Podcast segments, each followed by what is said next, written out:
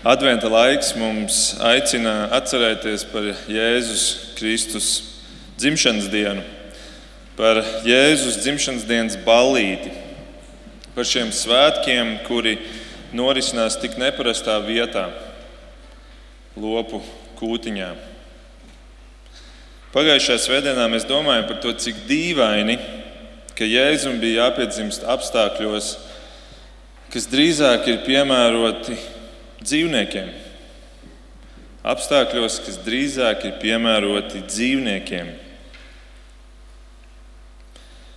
Mājas vietā viņam ir kūts, gultas vietā lopu barošanas sila, pirmie ciemiņi, avju gani. Un tas mūs aizveda pie stāsta par īzaku, ja jūs atceraties pagājušajā svētdienā.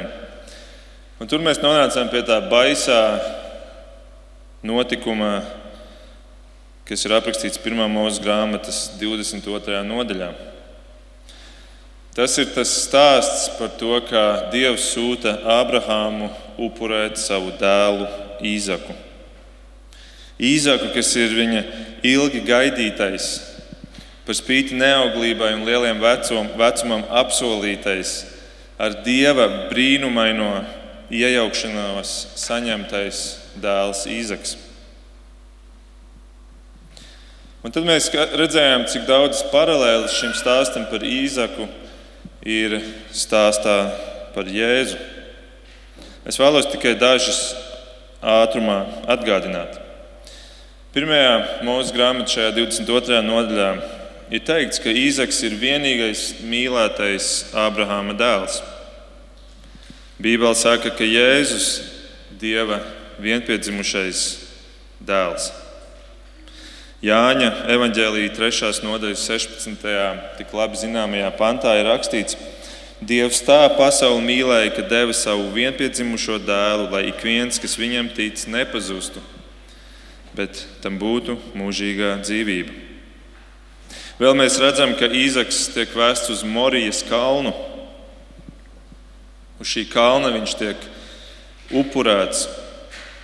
Un uz šī paša kalna vēlāk tiek uzcelta Jeruzaleme, kurā tiek upurēts Jēzus. Otrā laika grāmatā, trešajā nodaļā, ir teikts, ka Jeruzalemē, Morijas kalnā, Salamans sāka celt namu kungam.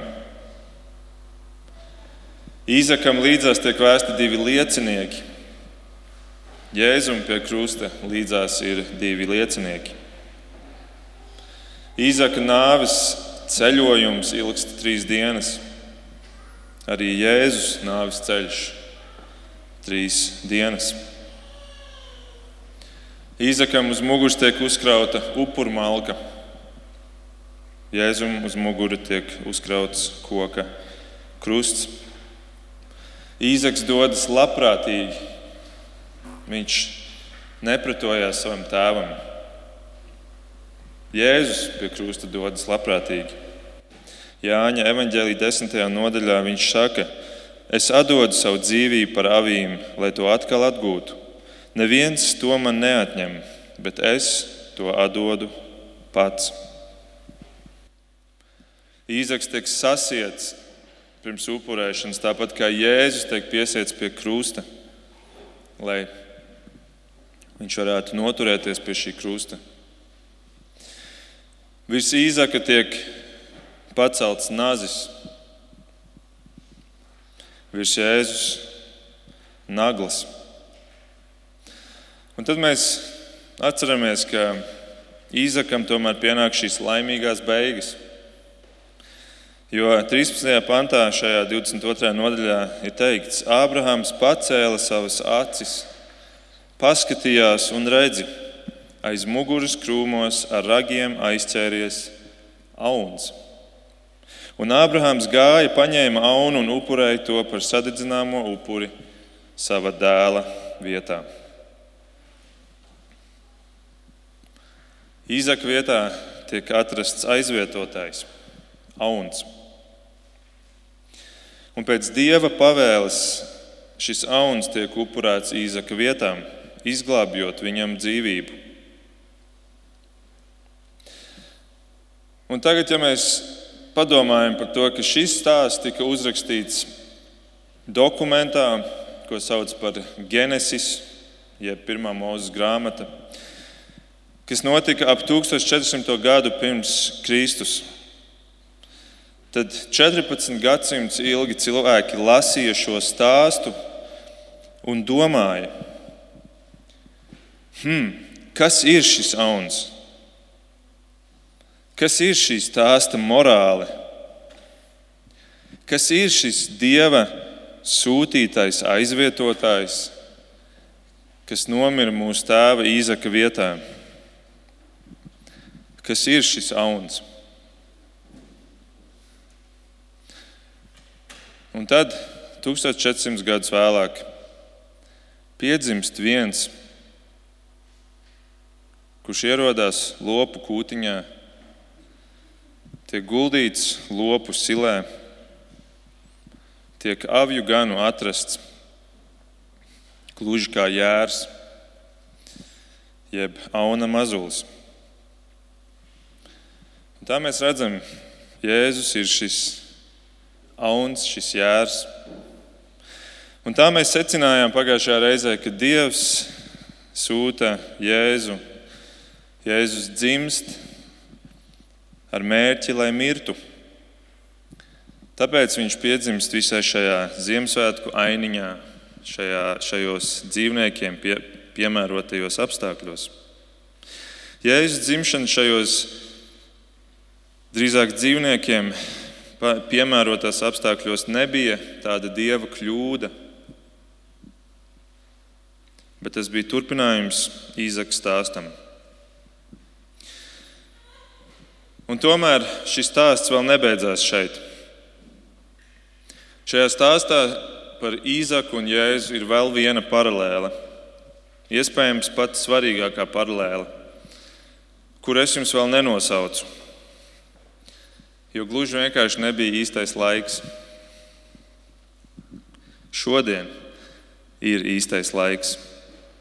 Šodien es runāšu tikai par šo vienu paralēli Un es vēlos to atkal parādīt stāstā vispirms par Īzaku, pēc tam stāstā par Jēzu. Pēc tam tavā un manā stāstā. Un beigās vēlos to noslēgt ceturtajā stāstā. Un, uh, tie būs mūsu šodienas četri punkti. Tad es vēlos vēlreiz atgriezties pie stāsta par Īzaku.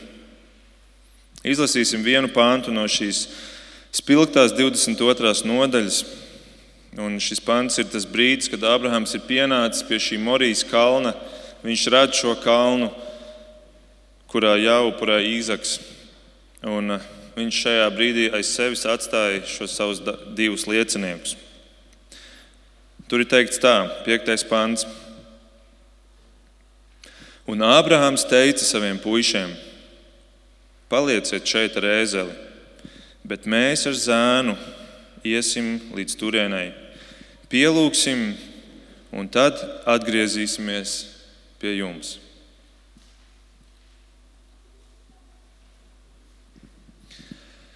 Iespējams, šis ir viens no vismazāk iespaidīgajiem pantiem šajā ar sprākstvielām piekrautajā 22. nodaļā.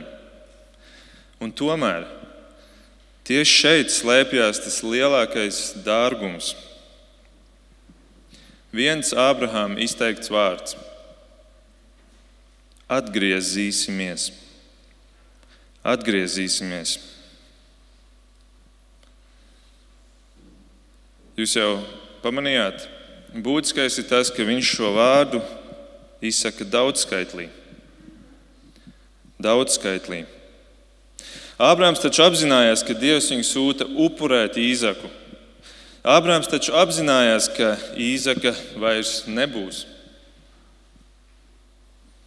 Kad viņš atgriezīsies pie šiem puišiem un pie ēzeļa, Īzaka vairs nebūs.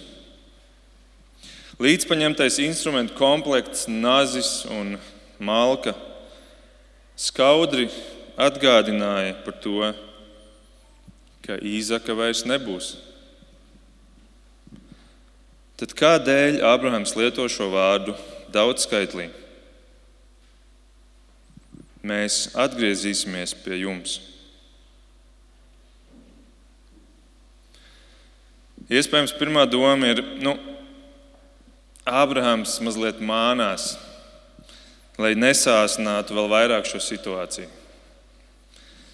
Baltie meli. Cilvēciski ļoti saprotams, vai ne? Kā nekā šī, šis notikums jau tā ir ar maksimālu spriedzi, gan, gan emocionāli, gan morāli, gan fiziski. Diez vai kāds Ābrahamam varētu pārmest, ka nevēlas vēl liet eļļu ugunī.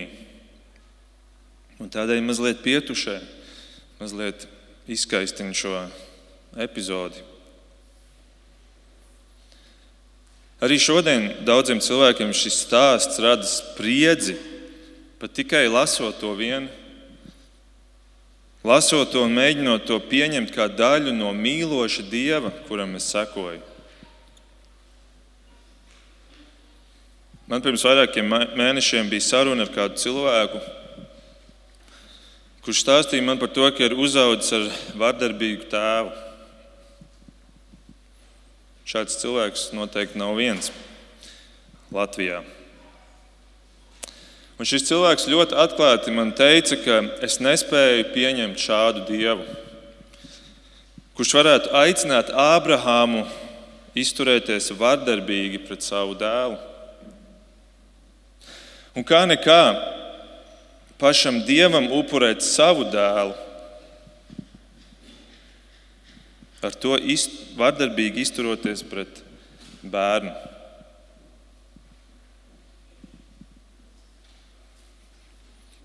Cilvēciski ļoti saprotama nostāja? Cik daudz vairāk, ja cilvēks pats ir piedzīvojis šādu vardarbību no sava tēva?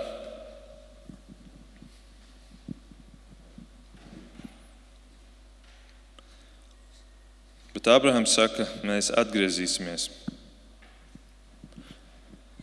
Vai viņš šeit melo? Vai viņš melo, lai padarītu Dievu saprotamāku, pieņemamāku?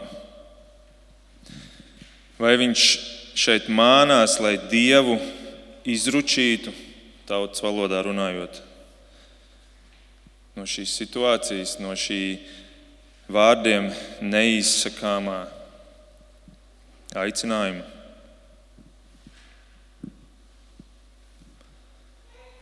Atbilde ir nē. Pārliecinoši nē. Ābrahāms šeit nemelo. Un kāds varētu jautāt, kā tu vari tik droši to teikt, Markus, vai tu esi Ābrahāms? Es to varu pavisam droši teikt, tāpēc, ka Pati Bībele to atklāja. Jaunajā darbā šī situācija tiek izskaidrota. Paklausieties ebreju vēstules 11. nodaļas 19. pantu. Ābrahāms sprieda, ka Dievs spēja uzcelt arī no mirušajiem, un tā līdzībā runājot, saņēma īzaku atpakaļ no nāves. Ābrahāms sprieda, ka Dievs spēja uzcelt arī no mirušajiem. Un tā līdzībā runājot, saņēma īzaku atpakaļ no nāves. Ābrahams lieto daudz skaitli, tāpēc, ka viņš tic augšām celšanai. Viņš tic, ka Dievs spētu īzaku augšām celt arī tad, ja tiešām viņam būtu viņš jāupurē. Abrahams savu dievu tik labi ir iepazinis, ka viņš zina, ka dievs spēj darīt brīnumus.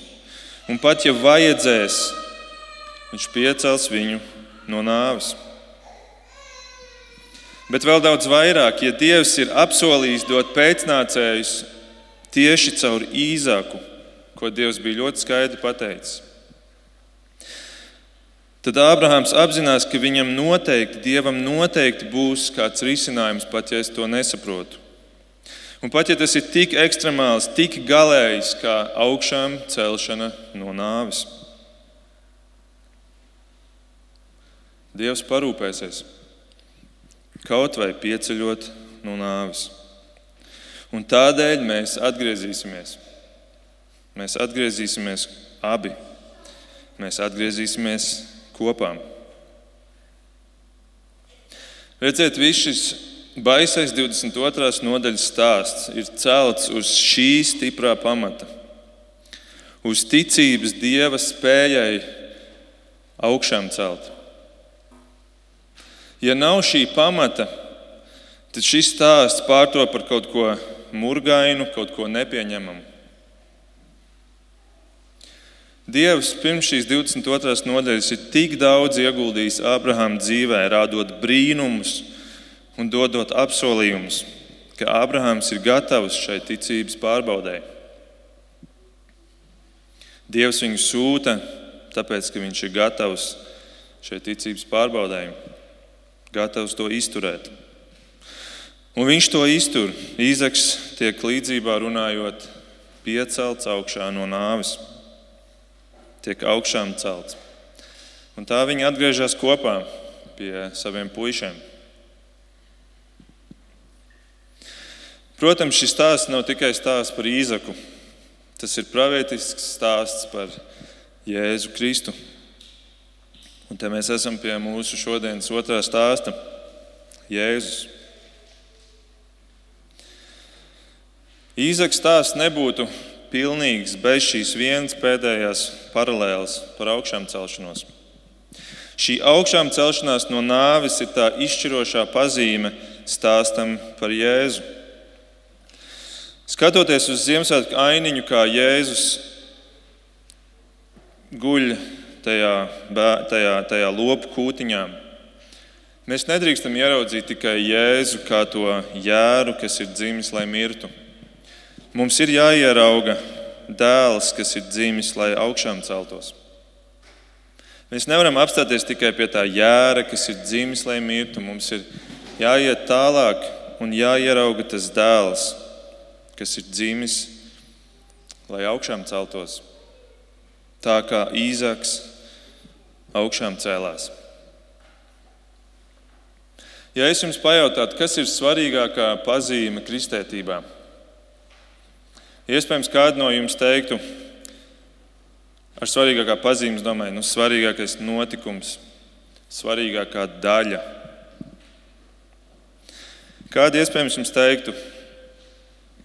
Ziemassvētki, Jēzus piedzimšana, Jēzus nāk uz zemi pie cilvēkiem. Citi teikt, varbūt nē, krusts, tāpēc mums šeit priekšā ir krusts. Jēzus nāvi Golgātām.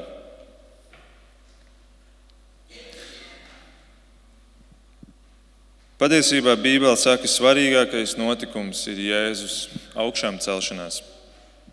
Dzimšana ir apbrīnojama pilna ar neparastām pazīmēm. Krustā sišana ir apbrīnojama ar pilna nežēlības un netaisnības, kur mēs varētu teikt, jā, tas liecina par šo dievišķo klātbūtni, Un tomēr šīs abas, lai cik apbrīnojamās lietas, šos, šos abus notikumus varēja izpildīt arī parasts cilvēks.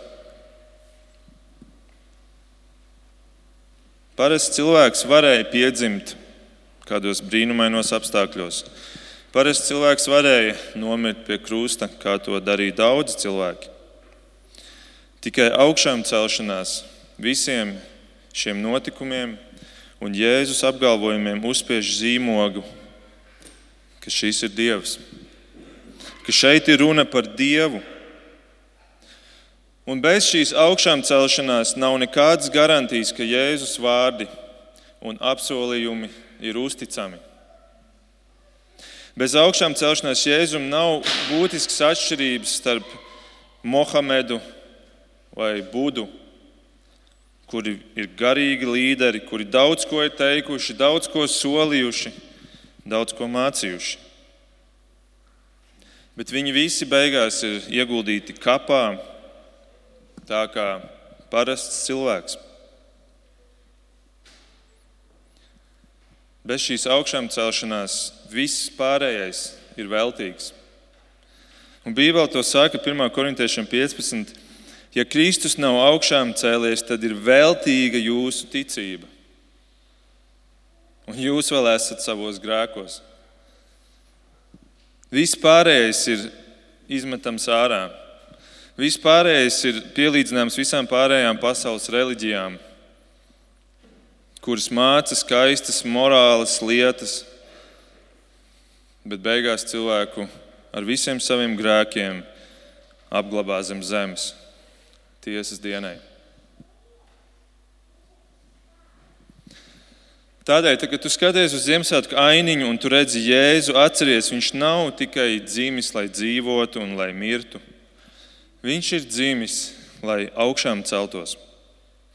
Lai cilvēki to dienu ticētu, ka Viņš ir Dievs, un lai cilvēki šodien ticētu, ka Viņš ir Dievs, Viņš tiešām ir Dievs, ka Viņā tiešām ir dzīvība, mūžīga, kas pārspēj nāvi kuru mēs katrs kādu dienu sagaidīsim.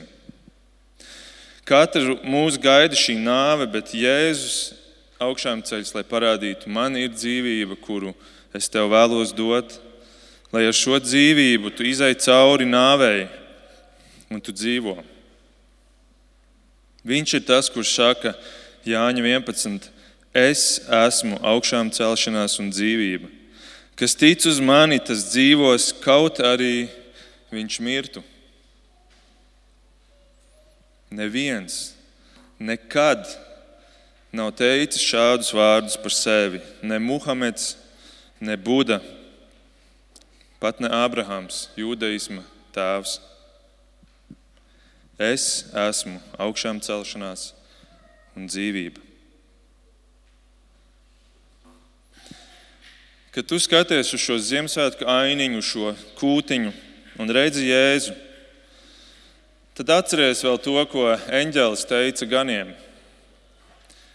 Kad viņš deva viņiem šo zīmi Lūkas evanģēlī 2. nodaļā, 12. pantā. Šis eņģēlis teica ganiem: Redzi, jums šī zīme, jūs atradīsiet bērniņu, autos ietītu un silē gulošu. Ja jūs atceraties, pagājušajā svētdienā mēs jau mazliet runājām par to sili. Tā ir zīme, kas parāda, ka Jēzus nāk apstākļos, kuros būtu jānāk dzīvniekam, kā jēram, kā aunam, kas tiek upurēts īzaka vietā. Bet kas ir ar tiem autiem? Ko tie nozīmē? Varbūt neko. Varbūt tie vienkārši jēzumi parāda to, ka Jēzum ir gādīgi vecāki, kuri viņu aprūpē, nomazgā no asinīm, kas ir dzemdību procesā normāli, apmazgā viņu, ietin autiņos. Mīloši vecāki. Bībelē ir piemērs par pretējo, kādi var būt vecāki, kuri to nedara. Ecehijēl 16.4. Tā tu piedzimi to dienu, kad tu piedzimi. Tev naba saiti nepārgrieza, ar ūdeni tevi nemazgāja, lai tu būtu tīra, arī ar sāli tevi nenoberza un autos tevi neietina. Varbūt šis vienkārši parāda to, ka Jēzum bija mīloši vecāki. Bet varbūt Varbūt, ja sīle norāda uz Jēzu kā jēru, kas ir dzimis, lai mirtu, varbūt šie auti norāda uz dēlu, kas ir dzimis, lai augšām celtos. Vai atcerieties, kas notika pirms Jēzu guldīja kapā, pirms viņš nonāca kapā? Mateja evanģēlī 27. nodaļā ir tā aprakstīts. Jāzeps. Tas nav Marijas vīrs Jāzeps, tas ir cits Jāzeps. Jāzeps paņēma Jēzus miesas, ietina tās tīrā linu audeklā un ielika savā jaunajā kapā.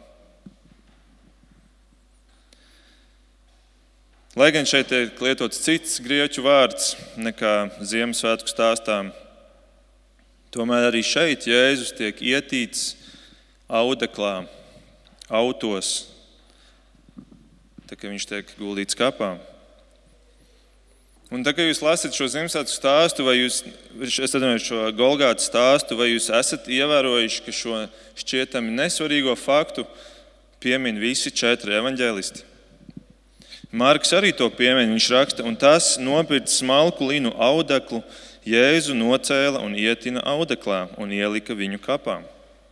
Lūkas raksta, noņēmis tās Jēzus mirstīgās miesas no krusta, viņš tās ietina smalkā linu audeklā un ielika klintī izcirstā kapā. Un Jānis saka, tad viņi ņēma Jēzus miesas un satina tās linu autā.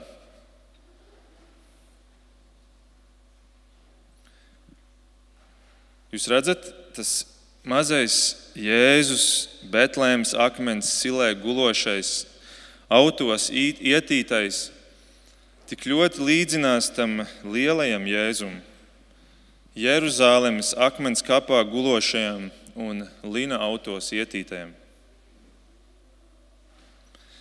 Un, kad tu nākamreiz skaties uz Ziemassvētku ainiņu un tu redzi Jēzu, kurš parasti tiek parādīts gulošs koka silītē, bet kā komentētāji to izceļ, ka tajā laikā koks Izrēlā bija un arī šodien rets materiāls, kuru noteikti neizmantoja tādai vietai, kā, tādai lietai, kā, kā kūts interjeram.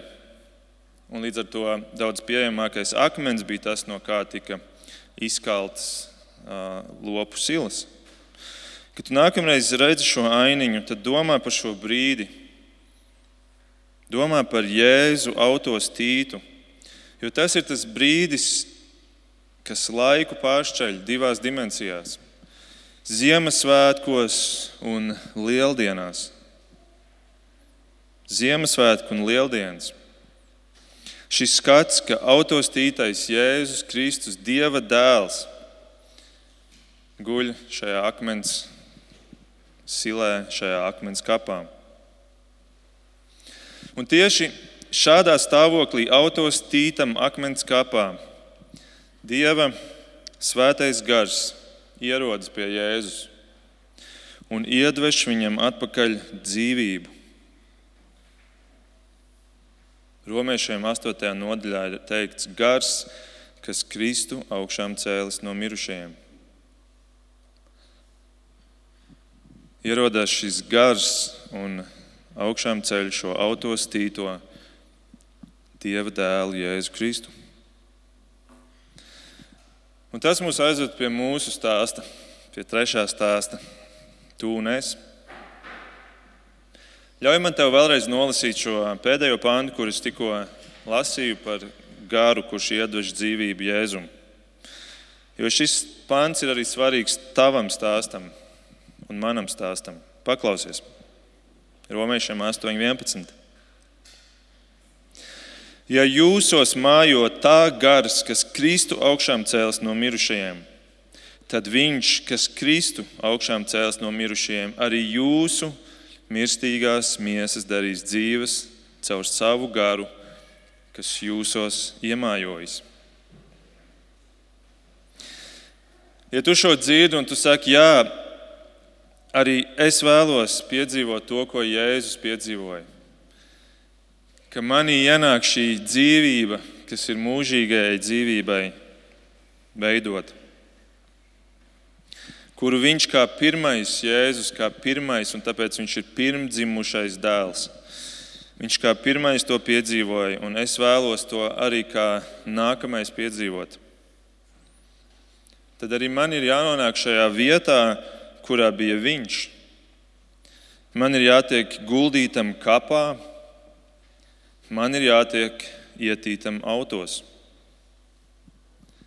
Vai es tam esmu gatavs? Vai tu to esi jau piedzīvojis savā dzīvē?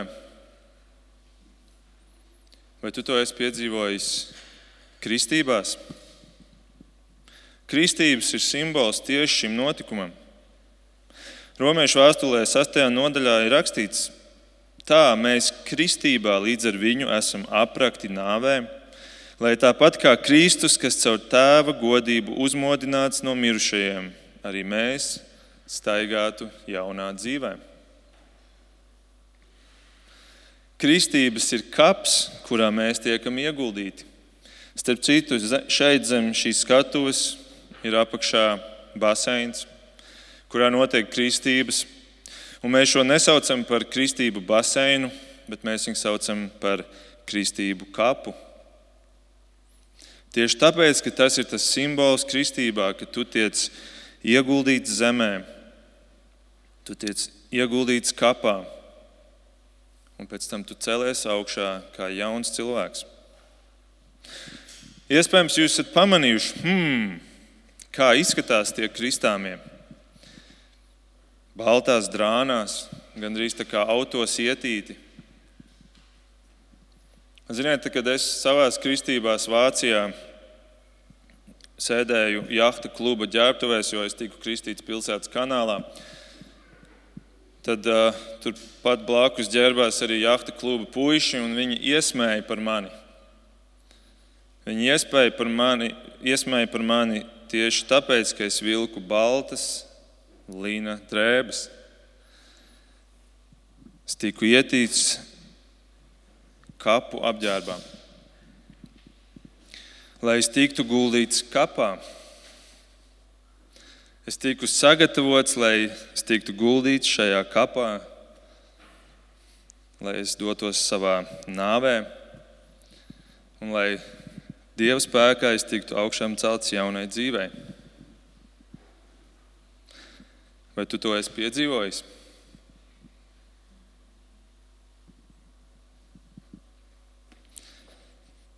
Un šīs baltās drēbes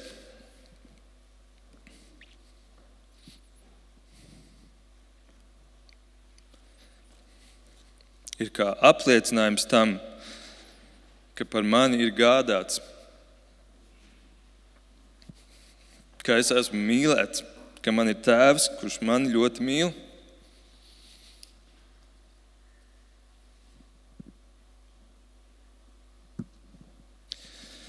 Un tā es kristībā tiku augšām celts jaunai dzīvei. Un tā ir tā pirmā augšām celšanās. Tā ir kā atspūgs tam, ka pēc manas miesīgās nāves es tikšu augšām celts nemirstīgumam. Bet līdz šai miesīgai nāvei man jau ir dota jauna dzīve. Pēdējā Bībeles pantā, kuras jums lasīju, ir teikts, ka mēs esam augšām celti jaunai dzīvei. Es izlasīšu vēlreiz, jo tas nav tikai par mani, tas ir arī par tevi. Paklausies šo pantu. Romiešiem 6,4. Tā mēs kristībā līdz ar viņu esam aprakti nāvē, lai tāpat kā Kristus, kas caur tēvu godību uzmodināts no mirušajiem, arī mēs staigātu kur? jaunā dzīvē. Mēs gribam mūžīgo dzīvību, mēs gribam augšām celšanos, bet atcerieties, ar to komplektā nāk jaunā dzīve šeit uz zemes jau. Un tad ir jautājums, vai mēs gribam arī šo jauno dzīvi. Paklausies šīs jaunās dzīves raksturojumu nākamajos pantos, šim pašam pēdējam pantam tālāk. Ja mēs ar viņu esam savienoti nāves līdzībā, tad būsim ar viņu savienoti arī augšām celšanās līdzībā, zinādami, ka vecais cilvēks mūsos ir līdz ar viņu krustā sists, lai tiktu iznīcināta grēcīgā miesa, tā ka mēs vairs nekalpojam grēkam. Kāda ir mana dzīve? Es saku, jā, augšām celšanai, jā, mūžīgai dzīvībai. Bet vai es arī saku, jā, jaunajai dzīvei, kurā es vairs nekalpoju grēkam, bet kurā es cenšos teikt, darīt to, kas ir taisnība, kurā es vairs nemeloju, bet es gribu teikt patiesību, pat ja man tas ir neizdevīgi? Kurā es vairs nedzīvoju pastāvīgā konfliktā ar savu sievu, vai ar savu vīru, vai ar savu ģimeni, bet kurus es atrisinu, meklējot atdošanu un piedodot pats? Vai es vairs nedzīvoju krāpjot savu sievu vai vīru? Varbūt ne mīsīgi, bet ar acīm. Bet kurā es vēlos būt uzticīgs? Tāds uzticīgs vīrs, kāds Dievs ir pret mani.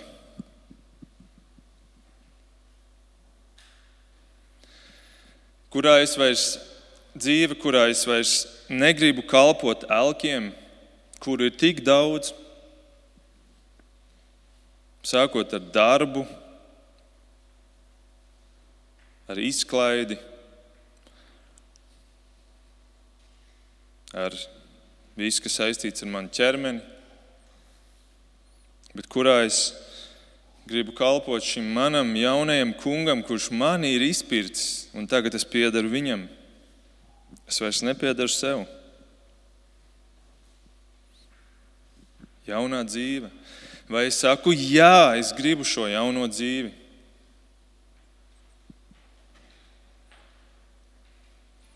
Vai es esmu tas Dieva autostītais, kuru Viņš ir izpircis un augšām cēlis šai jaunai dzīvei, kurā es vairs nekalpoju grēkam, Jā, es krītu grēkā, es to nožēloju, bet es vairs nekalpoju viņam, jo tas vairs nav mans kungs. Bet es kalpoju savam izpircējam, savam dzīvības devējam, Kristum.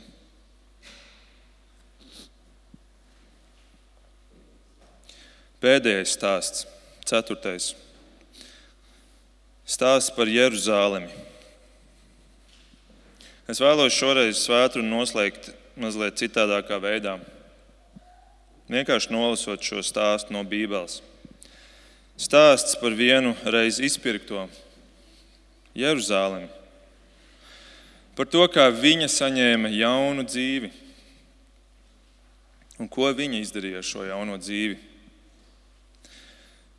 Un, lai tas ir tāds piemērs, kurā mēs varam paskatīties uz sevi, atskatīties uz savu pagātni un vienkārši izvērtēt, kā es dzīvoju savu jauno dzīvi. Mēs vienu pāntu no šīs stāsta jau svētdienā izlasījām. Tagad es izlasīšu pilno versiju. Vienkārši paklausieties. Ecehiela 16. nodaļas, 1.23 panti. Kunga vārds nāca par mani. Cilvēka dēls paziņo Jeruzalemē par viņas preteklībām. Saki, Tā saka Kungs Dievs par Jeruzalemi. Tava dzimta un tava izcelsme ir no Kanāna zemes, tavs tēvs ir amorietis un tava māte ir hetieta. Tā tu piedzimi, to dienu, kad tu piedzimi. Tev naba saiti nepārgrieza, ar ūdeni tevi nemazgāja, lai tu būtu tīra. Arī ar sāli tevi nenobērza, un autos tevi neietina.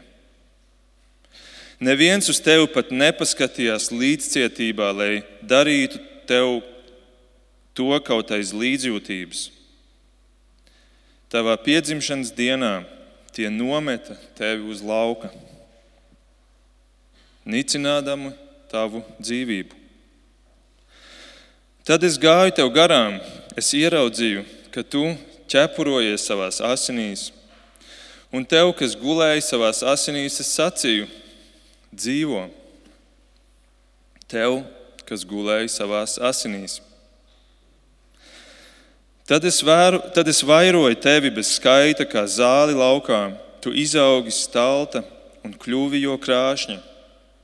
Piebrieda tavas krūtis, māti tev sakuploja, bet tu biji plika un nabaga. Kad es gāju tev garām, es skatījos un redzu, jau klāt tavs laiks mīlēt. Un es ar saviem svārkiem apklāju tavu kailumu un es tev zvērēju, es stājos derībā ar tevi, saka Kungs Dievs, un tu biji mana. Es mazgāju tevi ūdenī, noskaloju tavas asinis un ieziedu tevi ar eļu. Es tevi ietērpu rakstītās drānās, apāvu ādas sandalis, uzvilku tev viegli balta lina drānas un apklāju tevi ar zīdu. Es tevi rotāju ar rokas sprādzēm, kakla ķēdītēm, ar deguna riņķi, ar auskariem un brīnišķīgu vainagu. Tu biji izrotāta ar zeltu un sudrabu. Tavs drāns bija no viegla balta līna ar zīdu izrakstīts.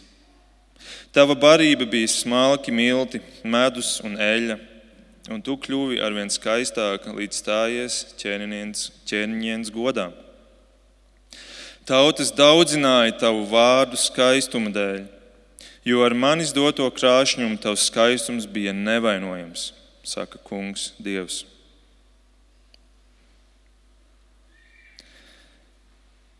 Tu paļāvies uz savu skaistumu, savu slavu tu izmantoji, lai maukotu. Tu devies maucībai ar katru garām gājēju. Tu piederēji tiem, tu ņēmi savus drānas un darināji raibas, segas, augstieņu altāriem. Un tur tu tā maukoji, kā neviens vēl līdz šim, nedz arī turpmāk. Tu arī ņēmi manas dotās krāšņās rotas, manu zeltu un sudrabu un darināja sev vīrišķa atveidus un maukoja tiem. Tu ņēmi izrakstītas drānas, ko uzsaktiem, tu devi tiem manu eļu un manu kvēpināmo. Un barību, ko es tev devu, smalkos, miltus, eļu un medu, ko es tev devu ēst, tu cēli tiem priekšā par tīkamu smaržu. Tā bija, saka Kungs Dievs. Tu ņēmi manus dēlus un meitas, ko man dzemdējusi, un upurēji tiem par ēdamo upuri. Vai tad maukot vien tev bija par maz? Tu nokāvi manus dēlus un upurēji tos elkiem. Visā savā preteklībā un maucībā tu pat nepieminēji savas jaunības dienas, kad tu biji plīka un nabaga un ķepurojies savās asinīs. Ak, vai tev? Ak, vai visa tava ļaunuma dēļ, saka Kungs Dievs. Āmen. Lūksim.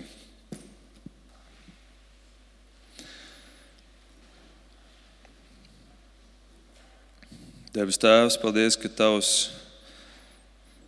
vārds ir asa zobens, dzīves, kas pats darbojās. Paldies, Kungs, ka Ziemassvētki nav tikai skaista ainiņa ar lampiņām, ar mīkstiem zvēriņiem, tīriem salmiņiem un mīlīgu bērniņu. Paldies, ka šeit runa par dzīvību un nāvi. Šeit ir runa par augšām celšanos, jaunai dzīvei, kuru tu mums dod savā žēlastībā, caur savu dēlu Jēzu. Paldies, Kungs, ka tu mūs cēl augšām, nomazgā mūsu asins padara mūs jaunus, dod mums tik daudz svētības. Ko mēs darām ar šo dzīvi? Palīdz, ka mums šī atlikusī nedēļa līdz Ziemassvētkiem varētu būt laiks, kad mēs varam paskatīties uz savu dzīvi, paskatīties atpakaļ uz to, kā tu mūs esi piedzemdējis no jauna, tevi šo dzīvību. Paldies Tev par Tavu lielo mīlestību, Tavu lielo žēlstību. Amen.